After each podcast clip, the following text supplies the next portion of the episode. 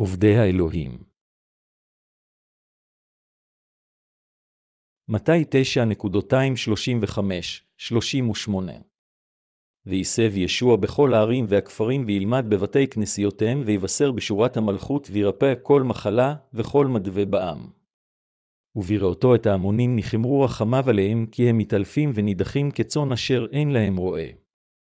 אז ידבר לתלמידיו ויאמר, רב הקציר והפועלים מעטים. לכן התחננו אל בעל הקציר לשלוח פועלים לקצירו. כולנו, אשר הפכנו לצדיקים, מתפללים לאלוהים ועושים את עבודתו. לכן אנו מתפללים אליו, ישוע יש כל כך הרבה קציר והפועלים מעטים, בבקשה הגדל את פועליך אשר יוכלו להפיץ את בשורתך. הווה, למעשה, נתחיל את שיעור כתב הקודש של היום בתפילה. ישוע יקר, עידן הצרה התחיל למעשה בזמן ובתקופה זו, ומספר רב של חוטאים אבודים וטועים בחטאיהם. ישוע, אנו מבקשים שתאפשר לכל אחד מאיתנו ללמד את בשורת המים והרוח היכולה להושיע את כל הנשמות האבודות האלה מחטאיהם. ישוע יקר, הגדל את עובדיך אשר יוכלו להושיע נשמות אלה ואשר יוכלו להעיד על בשורתך אליהם. אנו מבקשים שתמצא עובדים אלה והגדל אותם למעננו. אבינו, אנו מתפללים שתיתן לנו את הכוח להושיע חוטאים. למרות שאנו מעטים במספר, אפשר לשנה זו להיות השנה בה אנו נעיד על דבר בשורת האמת שלך בתקופה זו של סוף הזמנים, ואנו מבקשים ממך לעבוד בין הצדיקים כך שמשרתים רבים של צדקתך יוכלו לגדול ולהעיד על בשורתך. רומם עובדים אלה למעננו, ושלח אותם אלינו. אנו מתפללים שתמשיך להושיע נשמות, ותמסך אותם כעובדיך. לכל הצדיקים אשר כבר נולדו מחדש, עורר את ליבם כדי לשרתך ועשה אותם לעובדיך, כך שבאמצעות משרתך אלה, בשורתך תועד בכל רחבי העולם. גם דבריך יועד, ורצונך גם ימולא. רק הצדיקים יכולים להפוך למשרתי האלוהים. מי מבין הצדיקים יכול להיות עובד האלוהים? קודם כל, אלה אשר מאמינים לחלוטין בבשורת המים והרוח, דבר אדונינו, ואשר נשמותיהם נולדו מחדש על ידי בשורה זו, יוכלו אז להפוך לעובדי בשורת האלוהים. אלה אשר יכולים להפיץ את בשורת המים והרוח לאחרים הם הצדיקים אשר נולדו מחדש על ידי שהאמינו בישוע ובבשורה האמיתית. רק הם יכולים להפיץ את בשורת המים והרוח. אנו יכולים לאשר אמת זו באמצעות מעשה השליחים 1.28 אשר אומר, אבל תקבלו גבורה בבוא עליכם רוח הקודש והייתם עדי בירושלים, ובכל יהודה ובשומרון ועד קצה הארץ. רק כאשר האדם מקבל את מחילת חטאיו ורוח הקודש בא לליבו על ידי אמונה בבשורת המים והרוח, הוא יכול להפוך לעובד האלוהים. כאשר אנו מאמינים באמת בדבר הבשורה המושלמת של המים והרוח, ועל ידי כך נמחלים לנו חטאינו, אנו מקבלים את מתנת רוח הקודש בליבנו. מעשה השליחים 2.38 אם האדם יכול להעיד שחטאיו נמחקו ושעתה אין לו חטאים בליבו, זוהי ההוכחה לעובדה שרוח הקודש באה לליבו. זה כיוון שרוח הקודש בליבנו ערבה לעדותינו שאנו עתה הפכנו לכפי חטא על ידי אמונה בבשורת המים והרוח. אדונינו אמר, והייתם עדי בירושלים, ובכל יהודה ובשומרון ועד קצה הארץ. המשמעות של זה היא שהוא יעשה את המאמינים בבשורת המים והרוח עדים לכל העולם. לכן כאשר הצדיקים מבטלים את עצמם, מאמינים בישוע ומצייתים לו, ישוע בעצמו מפקיד בידיהם את עבודתו. מכיוון שרוח הקודש שוכנת בנולדים מחדש אשר קיבלו את מחילת החטאים על ידי אמונה בבשורת המים והרוח, רוח הקודש בליבם מדריכה אותם בכל צעד. לכן הצדיקים אשר נמחלו מחטאיהם משמיעים את בשורת המים והרוח בכל הזדמנות הנקרית בדרכם. אם עומדת בפניכם ההזדמנות להשמיע את הבשורה למישהו, כמובן, שייתכן שתרגישו מתוחים וחוששים מכך. אך לבסוף זוהי רוח הקודש אשר פועלת באמת בחייכם. רוח הקודש מאפשרת לכם להגיד את הדברים המתאימים במקום המתאים, כי לא אתם המדברים כי רוח אביכם הוא המדבר בפיכם. מתי 10-20 לכן זה נכון מבחינתנו לבטוח ברוח הקודש, להשמיע את הבשורה באומץ בכל הזדמנות, ולעשות את עבודת אלוהינו. הבה נהיה כולנו עם ביטחון שרוח הקודש אכן פועלת בליבנו. בניגוד לכך, כל מי אשר אינו מאמין בבשורת המים והרוח, אינו מוסמך להיות עובד אלוהים. מדוע? כיוון שחוטאים אינם יכולים לשאת עדות על צדקת האלוהים, וגם כיוון שאף אחד אינו יכול להישתף מחטאיו אלא באמצעות בשורה זו של המים והרוח, שהרי אדונינו לקח את כל חטאינו באמצעות הטבילה אשר הוא קיבל. לפיכך, כל החוטאים אשר ליבם מחזיק בחטאים אינם יכולים להשתמש ברוח הקודש כאמצעי שלהם. אם מישהו טוען שהוא הפך לעובד האלוהים מבלי אפילו להאמין בדבר בשורת המים והרוח, הוא מישהו אשר נעשה לעובד שלו עצמו, וכוזב, והוא אינו אחד אשר באמת נקרא על ידי אלוהים להיות עובדו האמיתי. לא משנה עד כמה יתאמצו חוטאים שכאלה לעשות את עבודתו, הכל יהיה לשווא. אנו רואים אנשים רבים שכאלה מסביבנו. ישנם חוטאים רבים בעולם הזה, אשר סובלים מאשליה מוזרה זו. אחד מהמאפיינים הבולטים שלהם הוא שאף על פי שהם מתעלמים מבשורת המים והרוח, הם עדיין מסורים כל כך למה שהם עושים. לכן, לפעמים אני מקווה שהקדושים הנולדים מחדש שלנו יהיו מסורים לבשורה האמיתית, כפי שאנשים אלה מסורים. הסייג השני להפוך לעובדי האל, לאהוב את בשורת המים והרוח. אמרתי לכם שהסייג הראשון להיות עובד האלוהים זה להאמין בבשורת המים והרוח. במילים אחרות, רק הצדיקים יכולים להיקרא עובדיו. אך אתם חייבים לדעת שכל הנולדים מחדש נקראים כעובדיו. מבין הצדיקים, רק לאלה אשר יש להם חמלה כלפי נשמות החוטאים ואשר ליבם משתוקק להושיעם, יכולים להפוך לעובדיו. ייתכן שהם לא יהיו מוכשרים במיוחד, לא אמני דיבור, ולא בעלי משהו לא רגיל, אך הצדיקים אשר ליבם מבקש שכל נשמה תיוושע, כשירים כעובדי האל. מבין הצדיקים, אלה האוהבים נשמות אחרות, אפילו שלהם בעצמם אין כוח, עדיין רוצים שאחרים ייוושעו, וכיוון שנשמות אלו חייבות להיוושע, הם לוקחים עליהם את האתגר למרות חסרונותיהם, והם מוכנים לעשות הכל כדי להושיע נשמות אלה. בדיוק צדיקים שכאלה אשר רוצים להושיע נשמות אחרות, כשירים להיות עובדי האל. אם יש, בכל אופן, מישהו האומר, כן, יש לי לב שכזה, אך אני עדיין לא מספיק על מנת להיות עובד האל. זוהי אינה יכולה להיות סיבה בשבילכם להיות פסולים מלהיות אחד מעובדיו. כל מה שייתכן שחסר לכם יכול להתמלא על ידי אמונה ועל ידי לימוד של כנסיית האלוהים. חבריי המאמינים, הצדיקים אשר יש להם לב אכפתי שכזה האוהב את בשורת המים והרוח ואת הנשמות האחרות חייבים להיות מאומנים בכל הדרכים, מהאומנות כיצד להתקרב לנשמה, ועד הידע על דבר האלוהים. אם רק ליבנו באמת משתוקק לשרת את בשורת האלוהים ולהפיצה, כל מה שעלינו לעשות זה רק לקבל את כל היכולות באמצעות האמונה. לכן, מה שנחוץ בשבילכם כדי להיות עובדיו זהו הלב הבסיסי הזה המשתוקק לשרת את בשורת המים והרוח, אשר אוהב נשמות אחרות, ואשר רוצה להקדיש את עצמכם לאלוהים. רק כאשר ליבנו משתוקק לשרת את הבשורה, נוכל לעשות את כל עבודות האל השונות. אין זה קל להציל חיים, בין אם בצורה רוחנית או פיזית, לכן משמעת נכונה של אמונה הכרחית ביותר. לפני שרופא נעשה רופא מומחה, הוא חייב לעבור תקופה ארוכה ומפרכת כדי להפוך לרופא מומחה.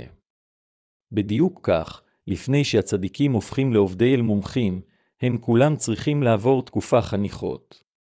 חבריי המאמינים, אנו חייבים להטיל משמעת על עצמנו עד שנהפוך כולנו למומחים בלדרוש על בשורת המים והרוח. כאשר נשמות פוגשות עובד מומחה, לעתים קרובות הן הופכות ליעד של מחקר להפצת הבשורה. כמו כן, ישנם פעמים רבות שמישהו העומד לקבל את מחילת חטאיו נמנע מלעשות כן, ובסוף הולך לביתו עם לב פצוע, רק מכיוון שהאדם אשר נשא עדות בשבילו על בשורת המים והרוח לא היה מאומן מספיק. נקודה זו היא הרבה יותר רלוונטית כאשר זה נוגע לאימון אשר מסופק על ידי בית ספר המיסיון שלנו השייך לכנסיית האלוהים. כאשר אנשים פוגשים עובדי אלוהים אשר אינם בשלים, זה יותר מאפשרי שאפילו אלה אשר עמדו לקבל את מחילת החטאים לא יהיו מסוגלים לעשות כן. אפילו אלה אשר ייתכן שפתחו את ליבם יהיו לבסוף אלה אשר יסגרו את ליבם בחזרה. אמרתי שאלה אשר ליבם אוהב את הנשמות האחרות כשירים להיות עובדי האל של הבשורה. אך הם חייבים להיות מלאים בדבר האלוהים כדי לשרת את הבשורה וכדי להדריך נשמות. לעובדי האלוהים יכולה להיות שותפות רוחנית עם אלה, אשר הם מנסים להושיע רק כאשר הם מאזינים במידה מספקת לדבר האלוהים ולהם בעצמם יש את הידע הרוחני על דבר האלוהים והמנה חזקה בו. בכל אופן, האימון אינו יכול להיות מושג לבד. אנו חייבים להיות בתוך כנסיית האלוהים ולשמוע את הדברים הרוחניים שרוח הקודש מדבר אל עובדיו באמצעות הכנסייה. לא משנה עד כמה ישיג האדם הבנה בדבר האלוהים בכוחות עצמו, זו כשלעצמה אינה יכולה להפוך לחרב רוחנית. רק כאשר אנו שומעים ולמדים את דבר האלוהים באמצעות כנסיית האלוהים הידע שלנו בדבר אלוהים יכול להפוך לנשכנו הרוחני. אז אפילו אם בקושי ניגע באחרים עם חרב רוחנית זו, הם יוכלו להיוושע מחטאיהם וירפאו מחולי חטאיהם. העניין כאן הוא האם יש אהבה בוערת בליבנו לבשורת המים והרוח או לא. אפילו אם אנו לא מוכשרים במיוחד, כל מה שעלינו לעשות כדי להיות כשירים להיות עובדי האל זה להיות בעלי לב האוהב את הבשורה. לכן השאלה שצריכה להישאל היא זו, האם ליבנו אוהב נשמות אחרות? או שמא הוא אוהב את העולם הגשמי? אלו הם הצדיקים אשר יש להם לב אוהב לנשמות אחרות, אשר כשירים להיות עובדי בשורת המים והרוח. אפילו אתה, אלוהים, מחפש עובדים לי כצירו. אפילו אתה, ברגע זה ממש, אלוהים עדיין מחפש עובדים כדי לשולחם לקציר של הנשמות האבודות. אינכם צריכים להיות מומחים לתיאולוגיה ולדוקטרינות. גם אינכם צריכים להיות טובים בהתעסקות בענייני העולם הזה. אם תלמדו את בשורת המים והרוח במדויק לחוטאים אשר לא קיבלו עדיין את מחילת חטאיהם, ועל ידי כך תנצחו עם דבר האלוהים את מזימתו הרעה של השטן אשר כלה את החוטאים האלה. ואם תעזרו לי נשמות שכאלה לקבל את מחילת חטאיהם משמיעה ואמונה בדבר בשורת האמת של אלוהים, אז אתם אכן עובדיו הטובים של אלוהים. אלוהים מחפש עובדים שכאלה לקציר אף עתה. אינכם צריכים אפילו להיות טובים בטיפוחם של נשמות. אלוהים בעצמו, באמצעות מנהיגי כנסייתו, ידאג לטיפוח הנשמות. בסרט, סופרמן, מגיע איש אשר פותר את כל הבעיות הקשות בכוחות עצמו. אך אלוהים אינו צריך עובד סופרמן שכזה. אדרבה, אלוהים מחפש עובדים רבים אשר יהיו נאמנים לתפקידם, ישמיעו את בשורת המים והרוח ויכב באמונה. למנהיגי הכנסייה אשר הם רואי צאנכם ולעובדי הבשורה יש משימות נפרדות המוקצות לכל אחד מהם. כל מה שהעובדים צריכים לעשות זה להיות נאמנים למשימה שהוקצתה להם, אך על המנהיגים לעשות יותר מכך, כיוון שהם צריכים גם לנהל את העובדים. באומרו שהקציר רב והפועלים מעטים, אלוהים אמר לנו להתפלל אליו כדי שישלח לנו יותר פועלים לקציר.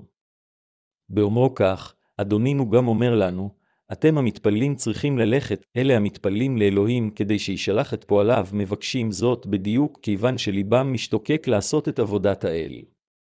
הם מתפללים לשם כך כיוון שיש להם חמלה על כל הנשמות האבודות. זוהי הסיבה מדוע אדונינו אומר לנו שאנו המתפללים לשם כך צריכים בעצמנו לצאת החוצה כעובדיו. זה מה שאלוהים אומר לנו. מה שעל כולנו להבין כאן, הוא שעובדי האלוהים לא פשוט יורדים מן השמיים. ראשית, אנו חייבים להתפלל לאלוהים כדי שישלח לנו עובדים, ושנית, אנו בעצמנו, המתפללים לכך, חייבים ללכת כעובדים שכאלה. אז אלוהים יפקיד נשמות בידי עובדיו בשביל הקציר. תקופה זו זקוקה לעובדי האל על אחת כמה וכמה. תקופה זו זקוקה לעובדי האל על אחת כמה וכמה. אנו חייבים להתפלל לאלוהים ולבקש ממנו שישלח לנו את עובדיו. ואנו בעצמנו, אלה המתפללים, חייבים גם ללכת כעובדיו. אמירת אומן בסיום תפילתנו היא לא הסוף של הכל. חבריי המאמינים, הצדיקים המתפללים לכך חייבים קודם לצאת לשדות כעובדי האלוהים. זה מכיוון שרצון ליבנו נמצא בעבדות האל, אנו מתפללים בדרך זו, ומכיוון שאנו מכירים את עבודתו, אנו מתפללים למשימה זו. אלה אשר אמונתם מקדימה את האחרים לא רק מתפללים, אלא הם בעצמם הולכים לשדות לעשות את עבודת האלוהים. וכאשר הם עושים למעשה את עבודת האלוהים, הם משיגים עוד עובד לאלוהים. חבריי המאמינים, עידן זה זקוק בנואשות לעוד עובדים. ישנם עדיין אנשים רבים ברחבי העולם אשר יותר מאשר כשירים להפוך לעובדיו. חברי המאמינים, הבא נתפלל לאלוהים, אלוהים בבקשה הושעה את כל הנשמות הללו. הן חייבות להיוושע מחטאיהם לפני שיהיה מאוחר מידי, לפני חזרתך. גאל אותם מידי השקרנים, ישוע. בדיוק כפי שהושעת אותי, בבקשה הושע נשמות אלה, כך על כולנו להתפלל ועלינו בעצמנו להפוך לעובדי האלוהים ולצאת החוצה לשדות הקציר שלו. אלוהים רוצה מאיתנו שנצא החוצה ונפרסם את בשורת המים והרוח. האם עבודת אלוהים יכולה להיעשות אם רק נשב בצד ולא נעשה דבר? אל תשבו שם כל היום ותחשבו מה עליכם לעשות, אלא עמדו בשמו של ישוע המשיח וייכנסו לשדה. זוהי הדרך בשבילכם להפוך לעובדי האלוהים. ישנם עדיין צדיקים רבים, גברים ונשים אשר נקראים להפוך לעובדי האלוהים. אלוהים אומר לנו להתפלל כדי שישלח עובדים וללכת בעצמנו. האם אתם מאמינים בכך? אמן. אל תבואו עם תירוצים ותגידו שיש לכם יותר מידי חסרונות כדי לצאת החוצה לשדה, או כל דבר אחר שתחשבו בתור תירוץ כדי לשבת בחיבוק ידיים. כל מה שחסר לכם יכול להתמלא בלימוד. מה שבאמת חשוב הוא שתאהבו את בשורת המים והרוח ושתוכלו לראות את התנאים של נשמות אחרות, ושתאמינו בבוא סוף הזמנים וזמן הצרה כפי שמנובא בדבר אלוהים, אלה אשר יש להם אמונה שכזו נחוצים כל כך. ואנשים כאלה הם המרוממים כעובדי האלוהים. עובדי האלוהים החכמים חייבים לקום. גם בסוף הזמנים, אנו זקוקים לעובדים אשר יכולים להוביל את האנשים אל אלוהים ולהאכיל אותם בלחם החיים בהתאם לתקופה. בימי המבול של נוח כולם רק שתו ואכלו ולבסוף הושמדו. כל החוטאים הם בדרך לאבדון. זוהי אחריותנו לגאול אותם מהשקרנים. אנו זקוקים לעובדים שכאלה, אשר יכולים להוביל נשמות אלה לקבל מחילת החטאים על ידי השמעת הבשורה האמיתית להם ועל ידי הזנתם בדבר האלוהים אשר מתאים לתקופה.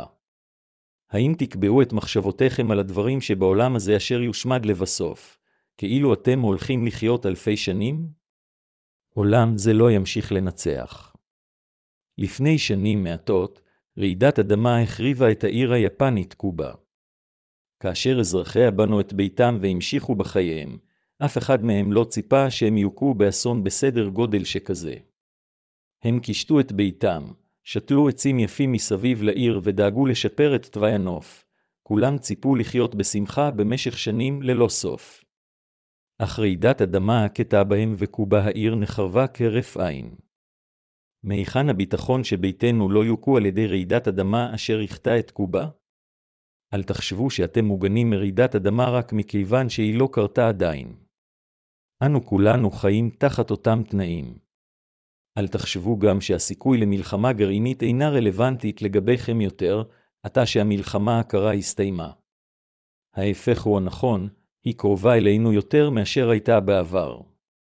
מה שאני מנסה להגיד לכם כאן זה לא להיות כה שאננים ומדושני עונג ולהתעלם מסכנות אלה ולהמשיך להיות לא רגישים אליהן כאילו הפכתם להחזירים מרוצים.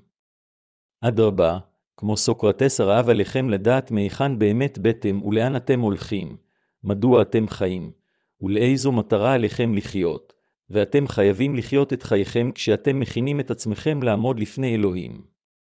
חבריי המאמינים, הבא לא נתלה את תקוותנו בעולם זה, כאילו אנו עומדים לחיות בו במשך אלפי שנים.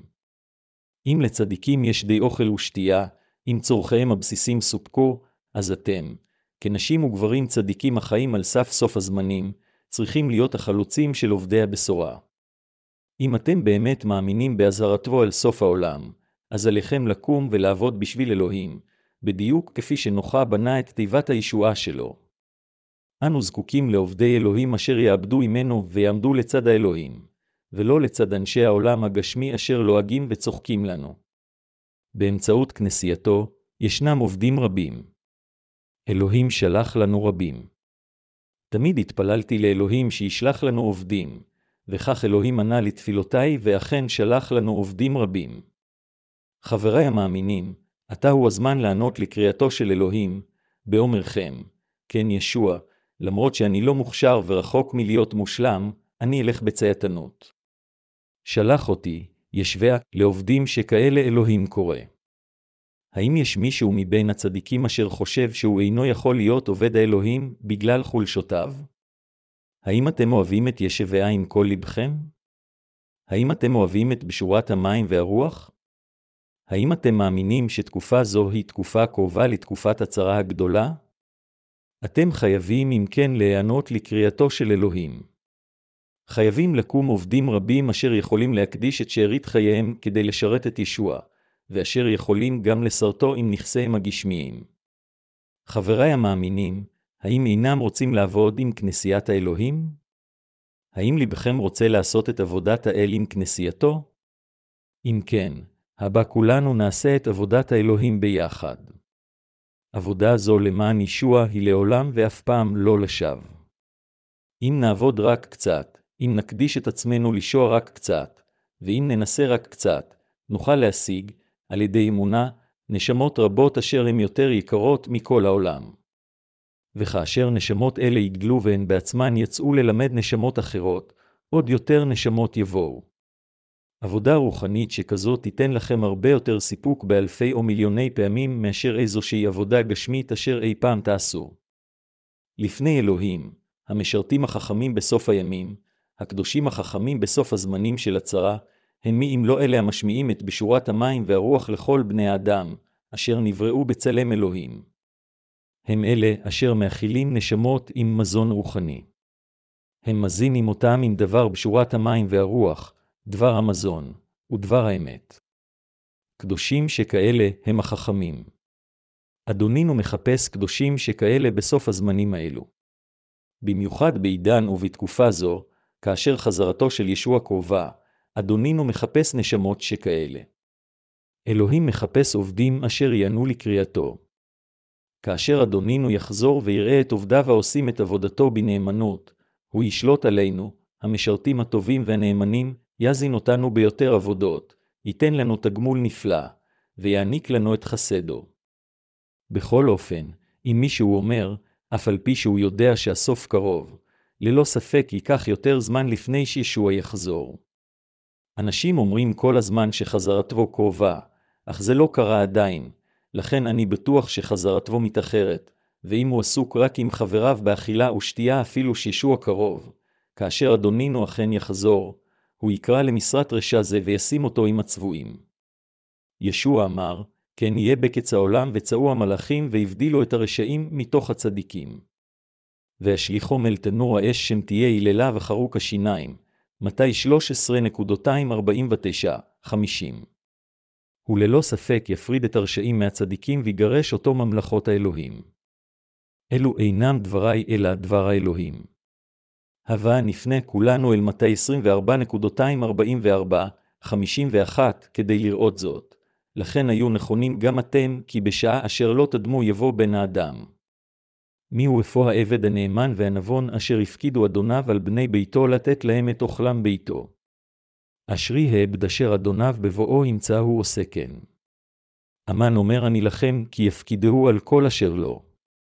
ואם העבד הרע יאמר בלבו בושש אדוני לבוא. ויחל להכות את חבריו, ואכל, ושתה עם הסובעים. בו יבוא אדוני העבד ההוא ביום לא יצפה ובשעה לא ידע. וישסף אותו וישים את חלקו עם החנפים שם תהיה היללה וחרוק השיניים, אדונינו הגדיר הבד נאמן ונבון אדם אשר בנאמנות מספק לאנשיו מזון רוחני ביתו כאשר ישוע עשהו כמנהל בני ביתו. מבורכים הם המשרתים אשר אדוניהם, כאשר הוא יבוא, ימצא אותם מאכילים את הצאן עם דבר האלוהים. ישוע ייתן גן עדן למשרתים טובים ונאמנים שכאלה. בניגוד אליהם, הוא מגדיר כמשרת רשע אחד אשר אינו מאמין בחזרתו הקרובה, ולכן אינו חושש מאדוניו, מכה את חבריו המשרתים, ואוכל ושותה עם השתיינים. אך ישוע יבוא ללא ספק ביום אשר הוא לא יחפש אותו ובשעה שאיננו מצפה לו, וישסף אותו וישים אותו עם הצבועים.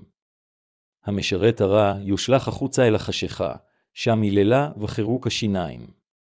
אין אף אחד אשר יותר רשע לפני אדוננו מאשר אלה אשר אף על פי שנולדו מחדש, אינם מטפלים בנשמות אחרות, אלא במקום זאת מתערבבים עם העולם הגשמי, אוכלים ושותים עמו, ומשתכרים על ידו. אלה אשר אינם חיים למען הבשורה אף על פי שקיבלו את מחילת החטאים הם יותר רשעים מאלה אשר לא קיבלו את מחילת החטאים. ישוע יחתוך אותם לשנים. הוא יגיד להם, צאו מכאן. אינני זקוק לכם. מגיע לכם להיזרק לגיהינום. אנשים רשעים שכמותכם לעולם לא יוכלו לחיות עמי, הוא ישליך אז את כולם. חבריי המאמינים, ברגע שהחוטאים מקבלים את מחילת חטאיהם והופכים לצדיקים, ישנה סיבה לכך שהנולדים מחדש החדשים חייבים לחיות למען בשורת המים והרוח. האם אתם מאמינים שזמן הצרה הגדולה קרוב אלינו? אם אינכם מאמינים, אז עליכם לדעת שללא ספק יקומו עובדים רבים אשר ישימו בצד את דברי העולם הגשמי. אנשים אלה יהפכו לעובדי האלוהים. כדי להיות משרתים נבונים של אלוהים הם מאמינים בסוף הזמנים הקרב, מבטלים את עצמם ובאים לפני ישביה. אך אינני אומר כאן שעליכם להיפטר מכל עיסוקיכם הגשמיים עתה. מבין הנולדים מחדש, רק אלה הרוצים להקדיש את שארית חייבם לעבודת האלוהים חייבים לעשות כן.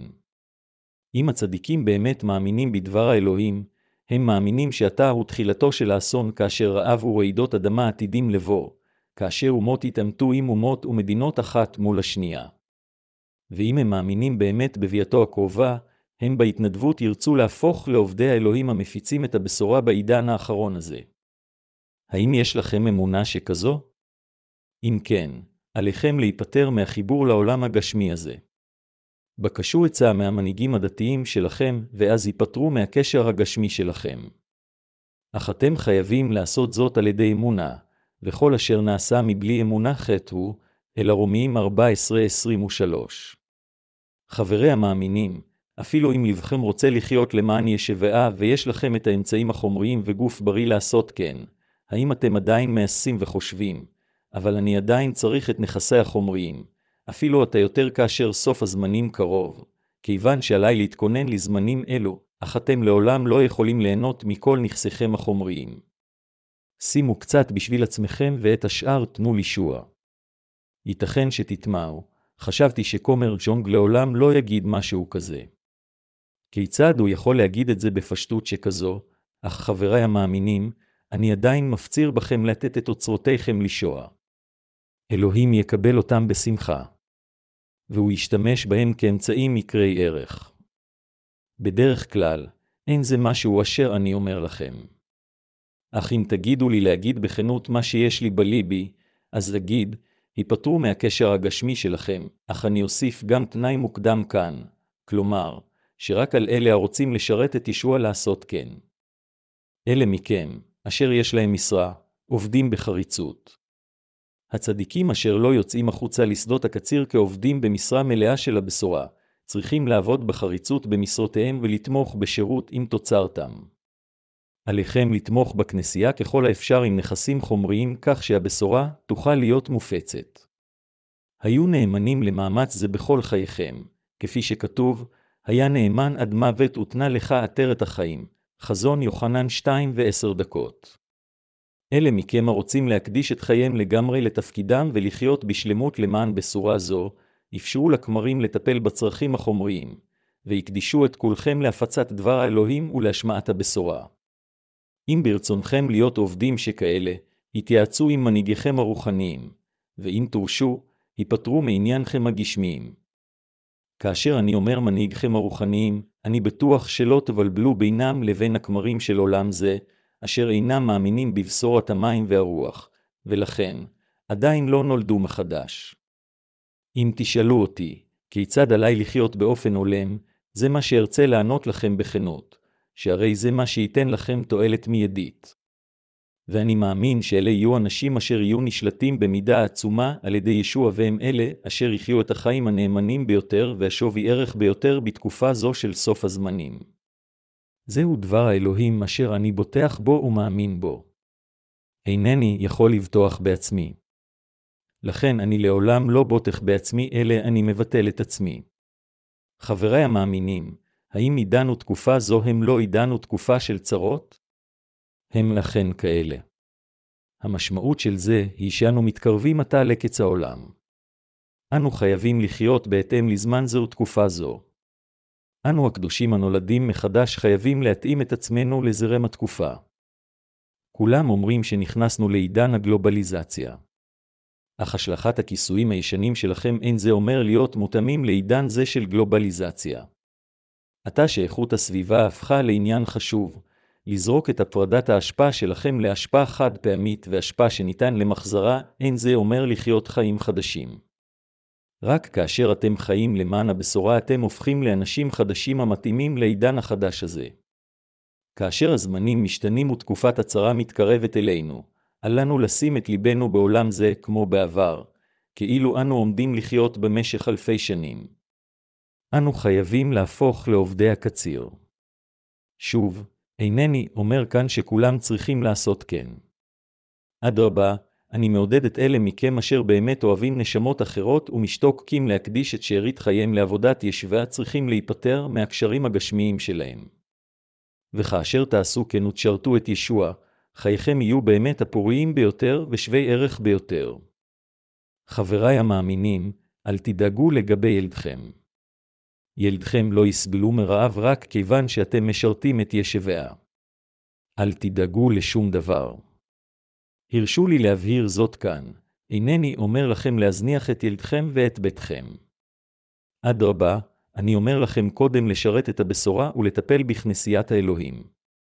אני מבקש מכם, במילים אחרות, לחיות למען הבשורה בימים כאלה של צרה עד ליום שאדונינו יחזור. אדונינו גם עודד אותנו בחיזוק באומרו, אך בקשו בראשונה את מלכות אלוהים ואת צדקתו, ונוסף לכם כל אלה. מתי 6:33 אני מאמין שאם באמת תאמינו שאנו נכנסים לעידן הצרה, עובדים רבים שכאלה יקומו מתוחכם. אלוהים מחפש עובדים נאמנים ונבונים. הוא מחפש אחר עובדים אשר ישמיעו בנאמנות את הבשורה. ישוע אמר, רב הקציר והפועלים מעטים, זוהי הסיבה מדוע אדונינו אמר לנו להתפלל כדי לשלוח משרתים שכאלה, ושאנו בעצמנו, המתפללים לשם כך, צריכים לצאת החוצה לשדות הקציר. אני נותן את כל תודותיי לאלוהינו. אני נותן תודה לאדון הצדיקים אשר מאפשר לנו להבחין בזמנים, מלמד ומדריך את כולנו, כך שנשרת את הבשורה בסוף הזמנים הללו. הבה נתפלל לאלוהים כדי שישלח את עובדיו. הבה נבקש ממנו שיאפשר לנו לעבוד איתם יחדיו. הבה נתפלל לאלוהים ללא הרף כדי שישלח עובדים אלה, והבה נעשה את עבודתו באמונה. הללויה.